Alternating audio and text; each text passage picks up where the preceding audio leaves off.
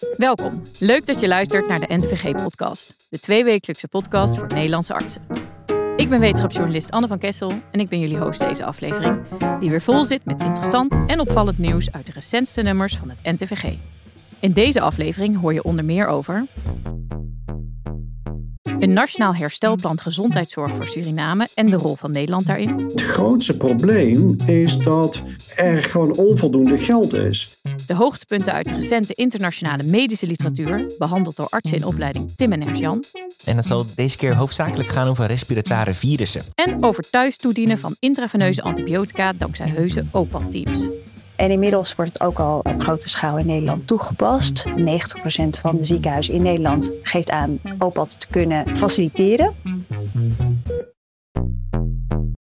We beginnen met de rubriek Wat hoor ik daar? Het spel waarin je de betekenis van geluiden met een geneeskundige link mag raden. Ik ga het geluid laten horen en later deze aflevering hoor je wat het was. Daar komt het.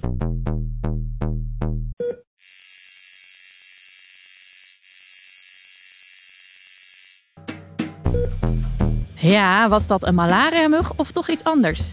Denk er maar even over na. Gaan wij ondertussen door met het eerste interview van Job. De gezondheidszorg in Suriname staat er slecht voor. En dat is niet alleen een gevolg van de huidige financiële crisis, schrijft Soraya Verstraten in een overzichtsartikel in het NTVG. Om de zorg te hervormen en verbeteren, kwam er afgelopen jaar een nationaal herstelplan voor de gezondheidszorg. Job spreekt met zorgbestuurder Mark Sprenger, die tijdens de coronapandemie al in Suriname bijsprong en nu programmadirecteur is van het herstelplan. Hij reageert in het blad op het stuk van Verstraten. Welkom Mark. Hoe zou je de gezondheidszorg in Suriname typeren? Nou, wat ik begrepen heb is dat een hele tijd geleden was die gezondheidszorg uh, vrij goed in Suriname.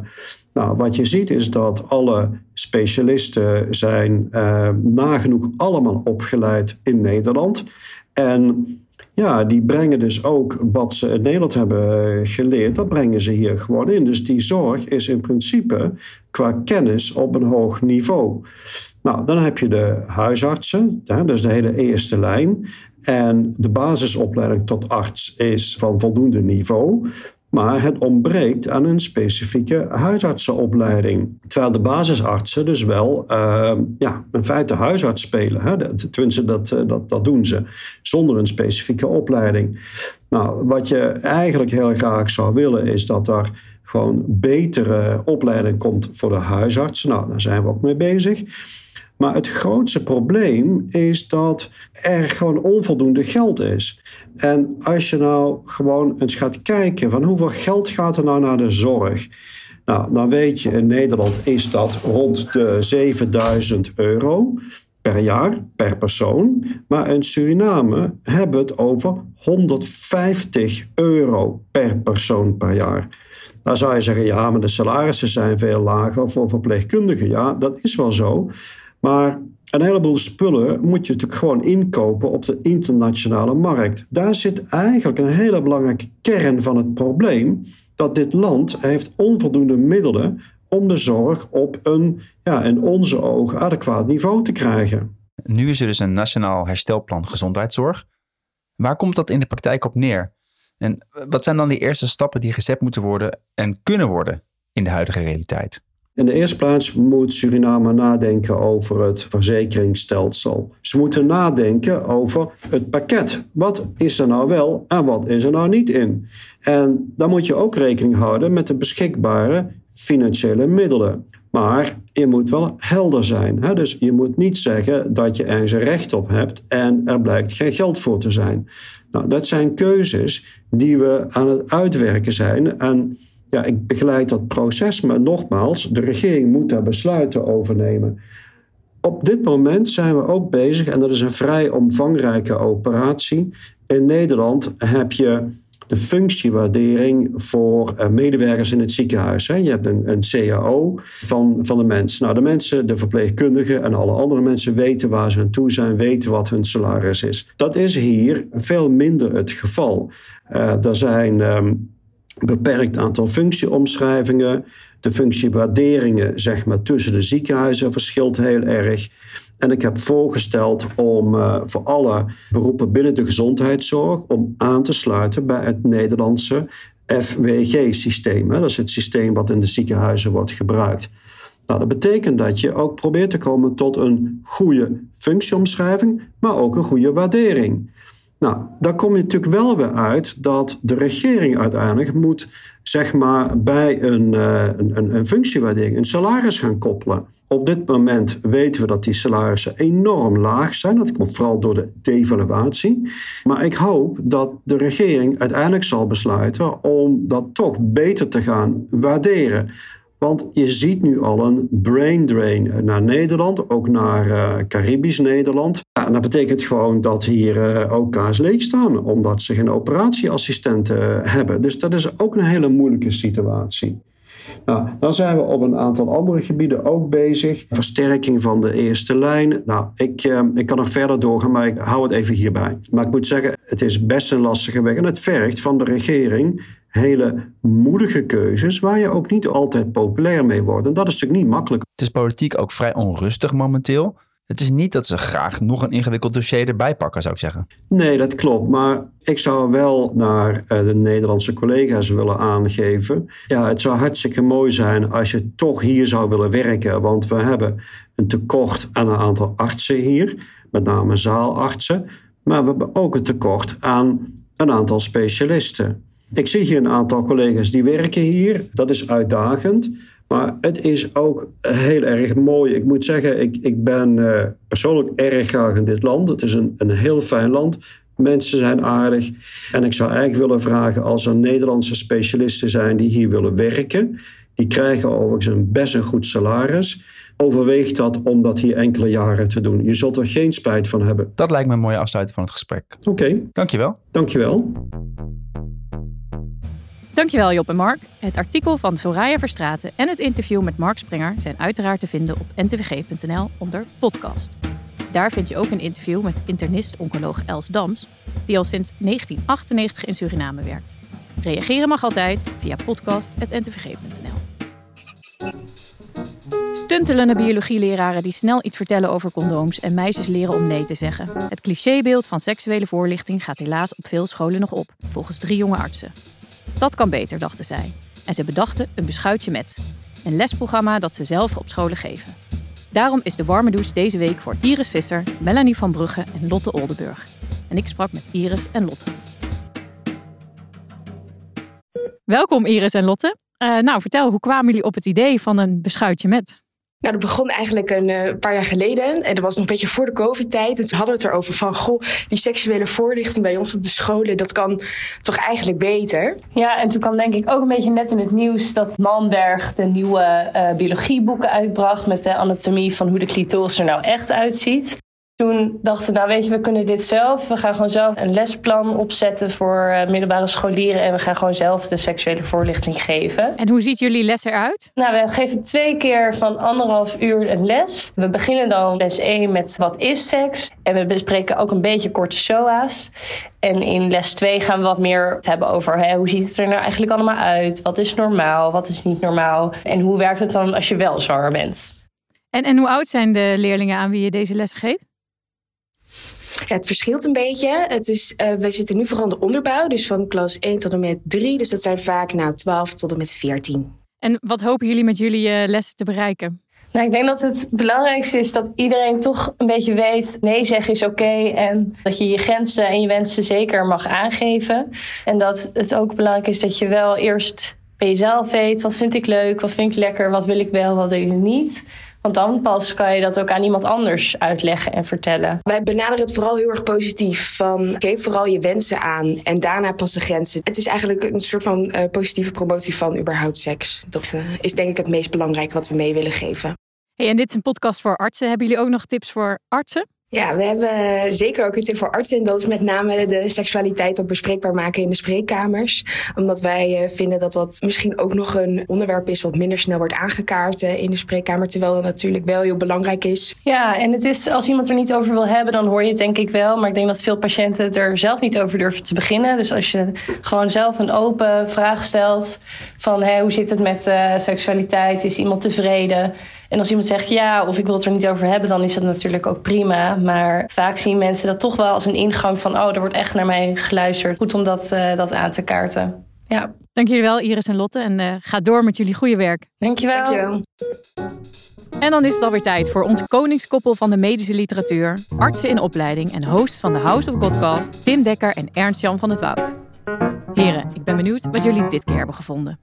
Ja, dankjewel. Ernst-Jan en ik hebben weer een aantal artikelen om uh, te bespreken voordat ze ook in het tijdschrift aan bod komen. En dat zal deze keer hoofdzakelijk gaan over respiratoire virussen. Zo bespreken we een studie over het beschermende effect van leefstijl op, op het ontwikkelen van langdurige klachten na COVID-19. En we bespreken twee veelbelovende studies over een vaccin tegen RSV. Ja, en Tim, jij hebt je vooral verdiept in die studie van Wang en collega's in JAMA Internal Medicine over uh, langdurige klachten na COVID-19, wat we ook wel long COVID uh, noemen. Waar, waar hebben de onderzoekers precies naar gekeken? Ja, dat heb ik inderdaad en dat vond ik wel een interessant artikel. De gedachte is dat persisterende inflammatie ja, bijdraagt aan het ontstaan van de klachten hiervan. En dat kan onder andere zijn persisterende vermoeidheid, benauwdheid of verminderde concentratie na een COVID-19-infectie. En in deze studie werd gekeken naar hoe een gezonde leefstijl eventueel beschermend kan werken tegen long-COVID.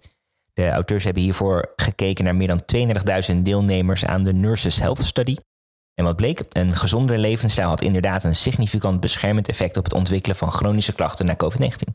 Oké, okay, en de leefstijlfactoren waar ze naar keken, waren dat alleen de standaard dingen als uh, roken, alcohol, BMI of uh, keken ze ook naar andere dingen? Het waren inderdaad wel die, die standaard uh, leefstijlfactoren, waarbij ze ook nog hebben gekeken naar dieet, fysieke activiteit, alcoholconsumptie en slaap. En daar hebben ze een, een soort score ontwikkeld voor, um, met zes factoren erin. De belangrijkste boodschap is denk ik dat mensen die de gezondste levensstijl hadden in deze studie een relatief risicoreductie hadden van uh, 49 procent. Dat is een relatief risicoreductie, maar wel echt een groot effect. En in overige analyses bleek overigens wel ook nog dat BMI en slaap het sterkst geassocieerd waren met een risico op long-covid overigens. Ja, dat is inderdaad wel indrukwekkende data, want het is een groot cohort en ja, bijna 50% risicoreductie. Het wel best een specifieke populatie. Het zijn allemaal verpleegkundigen in, in dit cohort en ook een, uh, een leeftijd van rond de 66 jaar, terwijl ja, long-covid eigenlijk over alle groepen wel voorkomt. Denk je dat dit echt extrapoleren is naar, naar de hele populatie? Ja, dat is nou toch maar de vraag. Dus dat moeten we denk ik ook in andere studies gaan zien. Maar dat is denk ik wel een, um, wel een minpunt van deze studie. Andere dingen waar ik ook nog wel over na zat te denken, is dat het met name zelfgerapporteerde data is. Hè. Zowel de COVID-19-infectie als de klachten die de deelnemers er daarna ervaren, waren allemaal zelf gerapporteerd. Dat is eigenlijk heel simpel. Er werd gewoon aan de deelnemers gevraagd: Heeft u lange termijnsklachten na COVID-19 en zo ja, welke? Ik had daar misschien graag een wat objectievere maat voor gezien. Maar goed, los van die punten geeft het denk ik ons wel inzicht in het ontstaan van long COVID. En naast COVID-19 zijn al die leefstijlfactoren allemaal geassocieerd met chronische laaggradige inflammatie. Ja, en dat is misschien ook wel het mechanisme waar we op kunnen interveneren. Ofwel met leefstijl zoals in deze studie, ofwel misschien iets medicamenteus in de toekomst. Nou, wat ik me nog wel afvroeg is, we weten natuurlijk ook dat mensen met bijvoorbeeld overgewicht een groter risico hebben op het ernstig beloop van hun COVID. Zitten we niet gewoon naar dat effect te kijken? Heeft de studie daar nog naar gekeken, hoe ernstig de COVID-19-infectie was? Ja, daar heeft de studie dan geen echte uh, analyses op gedaan. Ik denk misschien dat je die dingen ook niet los van elkaar moet zien. Wat dat betreft is, de associatie misschien ook niet zo heel erg verrassend, maar wel interessant denk ik naar hoe groot het effect is van leefstijl hierop. En dat is met name het nieuwswaardige, denk ik. En dan door naar een ander respiratoire virus, namelijk het RS-virus. En nu is de RSV natuurlijk een bekend virus dat luchtweginfecties kan veroorzaken bij kinderen, maar ook bij volwassenen. Bij kwetsbare ouderen kan het ook wel lage luchtweginfecties geven. Nu zijn er eerder vaccins onderzocht uh, tegen RSV, die zich met name richten tegen het zogenaamde F-proteïne.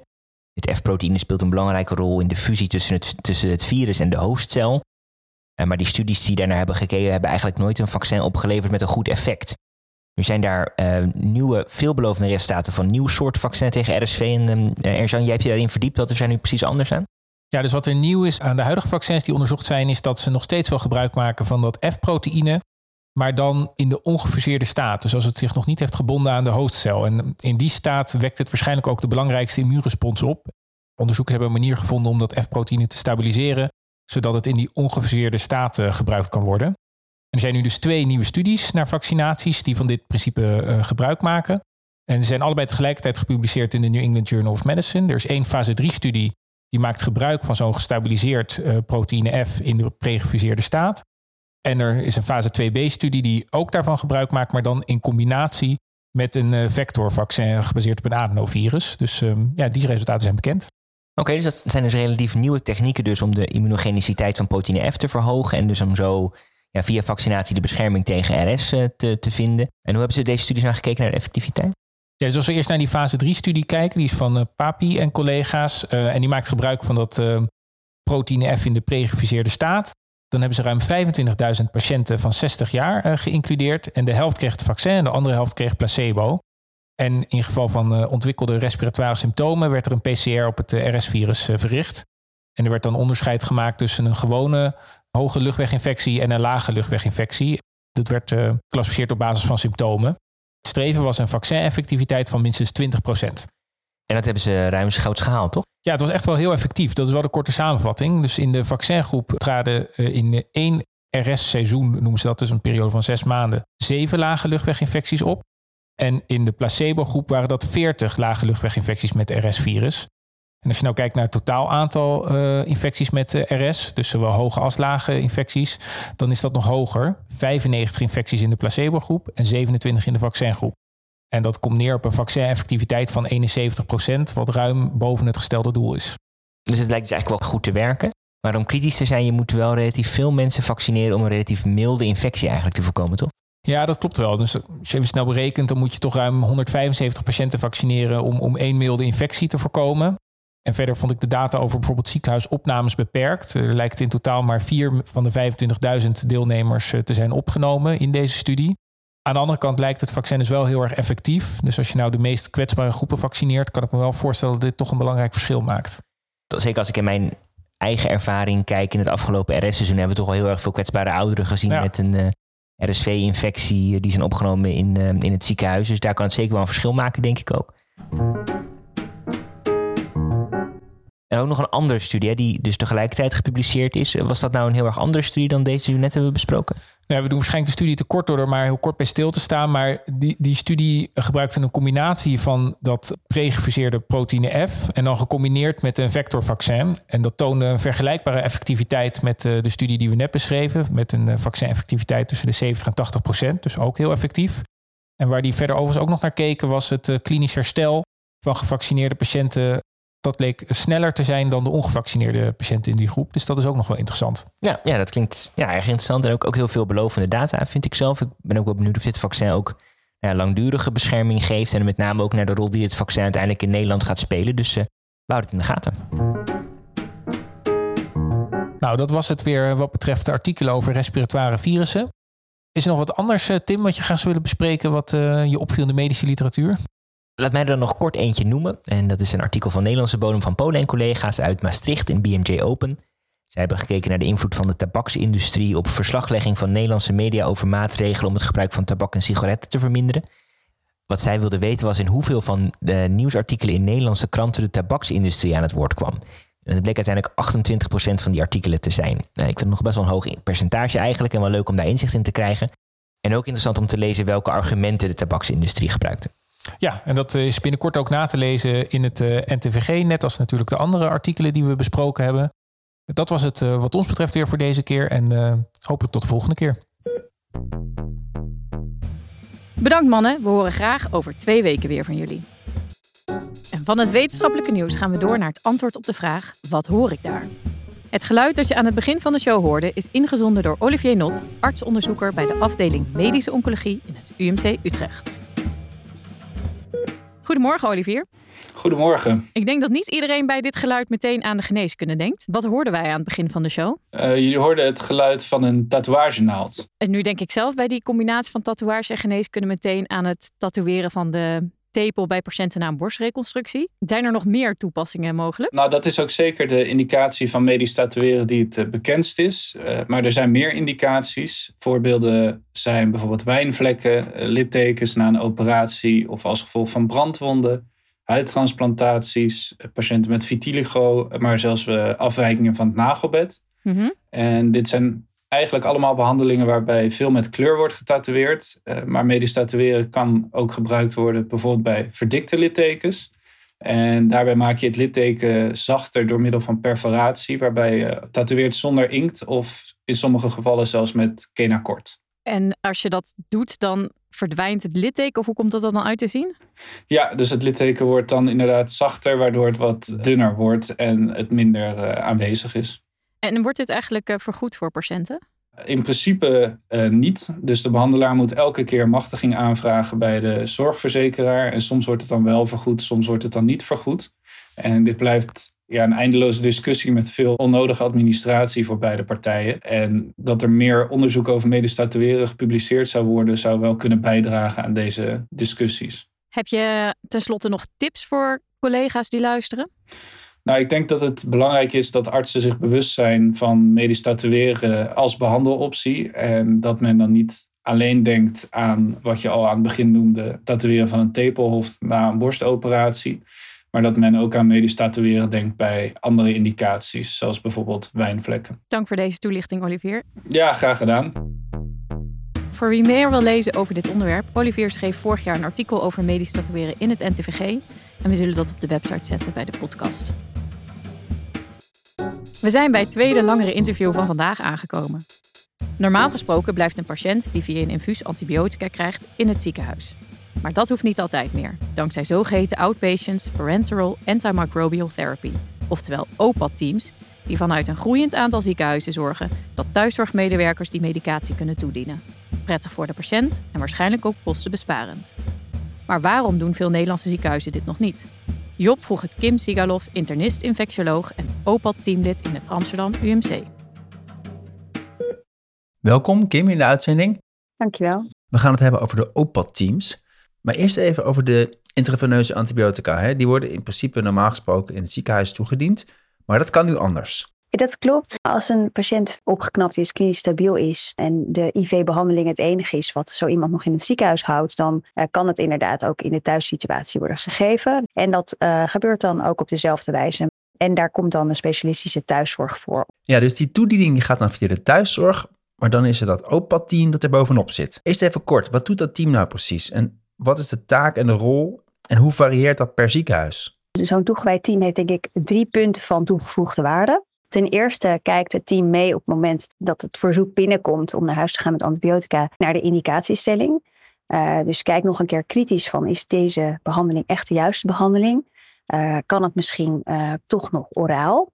kan er een IV-orale switch worden gedaan? En kijk ook naar klopt de dosering, klopt de duur, dan het tweede punt van toegevoegde waarde is de organisatie van de zorg. Door dat centraal te organiseren neem je eigenlijk een last weg bij bijvoorbeeld een zaalarts of een polyklinische behandelaar die zelf met de thuiszorg moet gaan schakelen, met de apotheek moet overleggen over welke middelen kunnen wel of niet in de thuissituatie. En dan ten derde is er toezicht op de behandeling in de thuissituatie. En dat is ook met name het aspect wat door uh, patiënten heel hoog gewaardeerd wordt. Dat er een aanspreekpunt is uh, bij problemen of bijwerkingen. En dat er indien nodig ook een uh, controle is van bijvoorbeeld nierfunctie of van spiegels in het geval van sommige antibiotica waarbij dat geïndiceerd is. En inmiddels wordt het ook al uh, op grote schaal in Nederland toegepast. Zo'n 90% van de ziekenhuizen in Nederland geeft aan OPAD te kunnen uh, faciliteren. Maar nog een minderheid van de ziekenhuizen, zo'n 40%, heeft ook een team, een toegewijd team wat toeziet op die zorg thuis. Het is natuurlijk ooit vanuit het kostenaspect opgekomen in Amerika. Ja. Maar het is nog niet helemaal onderzocht of het in Nederland iets op zou leveren en wat precies. Maar het lijkt wel duidelijk toch dat het een goedkopere optie is dan mensen in het ziekenhuis te houden. Wat valt daarover te zeggen? Ja, het ligt voor de hand hè, dat, dat je, als je iets thuis kan doen en niet het hele ziekenhuis eromheen nodig hebt, dat dat goedkoper is. Uh, maar qua financiering is dat dan weer iets ingewikkelder uh, vanwege de, alle structuren die daaromheen uh, zijn. Mm. En dan komen we meteen bij het volgende punt uit. Waarom zoveel ziekenhuizen het wel willen en zouden kunnen, maar het nog niet in de praktijk met zo'n team gebeurt? Klopt, want dus eigenlijk nog een minderheid van de ziekenhuizen heeft zo'n team. Dus 40 procent. Wat een barrière is, wat ook uit de survey die vorig jaar is gedaan blijkt, dat financiële middelen een van de grootste barrières is en daarmee ook personeel voor zo'n team. En um, waarbij in het Amsterdam UMC ook tegenaan zijn gelopen op dat aspect. Het is niet een declarabel product, om het maar zo maar te zeggen, uh, de OPAD-zorg. Uh, dus het is moeilijk om te zeggen van nou, we sturen zoveel mensen naar huis met OPAD. Dus uh, daar staat een, een, bepaalde bezetting tegenover qua OPAD-team. Dus dat is nog niet zo eenduidig. Ja, superhelder dat het geld oplevert. Maar je moet het dus eerst zelf betalen. En daar is geen loket voor. Exact. En hoe zou dat dan kunnen worden opgelost? Nou, ik heb me laten vertellen uh, dat ze inderdaad, als je het zou kunnen koppelen aan een declarabel product, dus dat je dat ook inzichtelijk kan maken, Eigenlijk is er een uh, financieringsstructuur nodig. En dat zou denk ik veel ziekenhuizen in Nederland ook kunnen helpen hiermee. Het is natuurlijk een ziekenhuisbrede dienst eigenlijk. We zien dat uh, patiënten die naar huis gaan met OPAD van alle afdelingen uit het ziekenhuis komen. Dus best een groot deel interne geneeskunde of dan de beschouwende uh, specialismen, zeg maar. Maar ook best een groot deel chirurgische specialismen en ook cardiologie. Dus het is denk ik iets wat overkoepelend uh, geregeld zou moeten worden. Uiteindelijk, wat we net al zeiden, uh, zal het kostenbesparing geven. Maar je moet wel even investeren in, in zo'n team. Ik denk wel echt dat dat ook meerwaarde kan hebben om die zorg die je dan uh, anders in het ziekenhuis zou leveren, ook kwalitatief goed thuis te leveren. En stel dat we deze horde dus weten te overwinnen. Waar zouden we dan met dit concept kunnen staan? Wat is de toekomst? Ik denk dat we echt nog kunnen verbeteren. Een grote verbetering zou zijn als we ook mensen leren om het zelf toe te dienen. Dat zou denk ik veel autonomie geven aan de patiënt en denk ook de tevredenheid hiermee vergroten. Dat is ook te trainen. De andere wat denk ik echt nog beter kan is dat je OPAD al zou kunnen starten zonder überhaupt een ziekenhuisopname. Dat als je weet polyklinisch dat iemand een bepaalde IV-behandeling nodig heeft, uh, maar verder geen opname-indicatie, dat je dat dan al polyklinisch in gang kan zetten. En verder, wat ook nog beter kan en wat ik echt hoop dat beter gaat, is ook het ja, delen van de gegevens. Want als mensen naar huis gaan, willen ze liever niet in het ziekenhuis uh, terugkomen om bloed te laten prikken, maar willen ze dat bijvoorbeeld gewoon via een lokaal laboratorium doen. Maar het ophalen van die gegevens is heel tijdsintensief. Oké, dankjewel. Heel helder. Dankjewel Job en Kim. Wil je meer weten over dit onderwerp? Lees dan het artikel op onze website. Op naar het laatste onderdeel van de show, de tip van de redactie. En die komt weer van Rosie Sikkel, basisarts en nieuwsredacteur bij het NTVG. Rosie, wat heb je voor ons meegenomen? Ik heb uh, deze keer een tip voor een klinische les. De klinische les grensoverschrijdende zorg. Dat gaat uh, niet over de MeToo-beweging, maar letterlijk over grensoverschrijdende zorg voor EU-burgers. En het is een klinische les waarin twee uh, casus besproken worden Waarna ja, een aantal handvatten worden gegeven om hoe je met dit soort patiënten omgaat. En één casus is een casus van een Tsjechische bouwvakker die van een steiger afvalt en vervolgens bewusteloos wordt uh, aangetroffen op de grond door ambulancepersoneel naar de IC gebracht, maar de prognose blijkt infaus te zijn, waarna besloten wordt door het, uh, het artsenteam om de behandeling te staken. En nou, er zijn verschillende aspecten aan deze casus die, ja, die het ingewikkeld maken. Ten eerste is die patiënt uh, natuurlijk bewusteloos, dus communicatie is sowieso al niet mogelijk. En daarnaast speelt dan in de familie een, een taalbarrière met een echtgenoot die alleen Tsjechisch spreekt en uh, een zoon die dan wel Nederlands spreekt. En wordt er dan in zo'n geval een tolk ingeschakeld of hoe doen ze dat? Ja, dat kan dus wel, maar dat verschilt heel erg per casus en ook per ziekenhuis wanneer die tolktelefoon vergoed wordt. Dus dat is best wel ingewikkeld en uh, ja, wordt in het artikel verder beschreven wat voor regels daar precies voor gelden. Het begint er eigenlijk al mee met hoe identificeer je een patiënt die bewusteloos is en met een uh, familie met een taalbarrière. In deze casus is besloten om te kijken of deze patiënt is aangesloten bij het Europese digitale patiëntendossier nu nog maar enkele landen die daarop aangesloten zijn, maar dus toevalligerwijs wel Tsjechië. Het is de bedoeling dat in 2025 dat veel grootschaliger wordt ingevoerd. Maar bij deze patiënt was het dus wel mogelijk om zijn gegevens op te zoeken in, uh, in het dossier. Dus dat was mooi. Maar vervolgens zit je nog wel met een enorme taalbarrière. En in deze casus is ervoor gekozen om uh, de zoon als tolk in te zetten. Dat gebeurt eigenlijk heel vaak dat familie als tolk fungeert. Maar in deze casus was het natuurlijk heel erg schrijnend dat een 14-jarige jongen aan zijn moeder moet gaan vertellen dat zijn vader nooit meer beter gaat worden en dat de behandeling gestopt wordt. En vervolgens nou, spelen natuurlijk nog allerlei andere praktische zaken van hoe werkt het met orgaandonatie. Welke zorg wordt wel en niet vergoed. En het is allemaal best wel ingewikkeld. Dus die twee casus maken het best wel inzichtelijk. Wat voor uitdagingen zijn er en hoe zit het allemaal praktisch gezien in elkaar. Zeker een aanrader om, uh, om door te nemen. Dankjewel Rosie. Het artikel is uiteraard weer te vinden op de website onder podcast. Tot de volgende keer Rosie. Tot de volgende keer. En hiermee zijn we aan het einde gekomen van deze aflevering. Hopelijk heb je ervan genoten en wellicht nog iets opgestoken ook. Laat ons vooral weten wat je ervan vindt. Is het te lang, of juist te kort, te dik of te dun? Heb je andere suggesties? Vertel het ons. En dat kan via podcast.ntvg.nl. We staan open voor alle feedback. Waardeer je onze afleveringen? Stuur ons dan door naar al je collega's en volg ons op je favoriete podcastkanaal zoals Spotify of Apple of Google Podcast. En laat vooral ook een review achter door een aantal sterren te geven. Dat helpt ons weer om beter gevonden te worden. Zo help je ons op onze missie om de beste en best beluisterde medische podcast van Nederland te worden. Over twee weken is mijn collega Job er weer. Voor nu een heel fijne dag gewenst en tot de volgende aflevering. Dit is een podcast van de NTVG-redactie in samenwerking met mij, Anne van Kessel, Job de Vrieze, Tim Dekker, Ernst-Jan van het Woud en audiocollectief Visionair Ordinaire.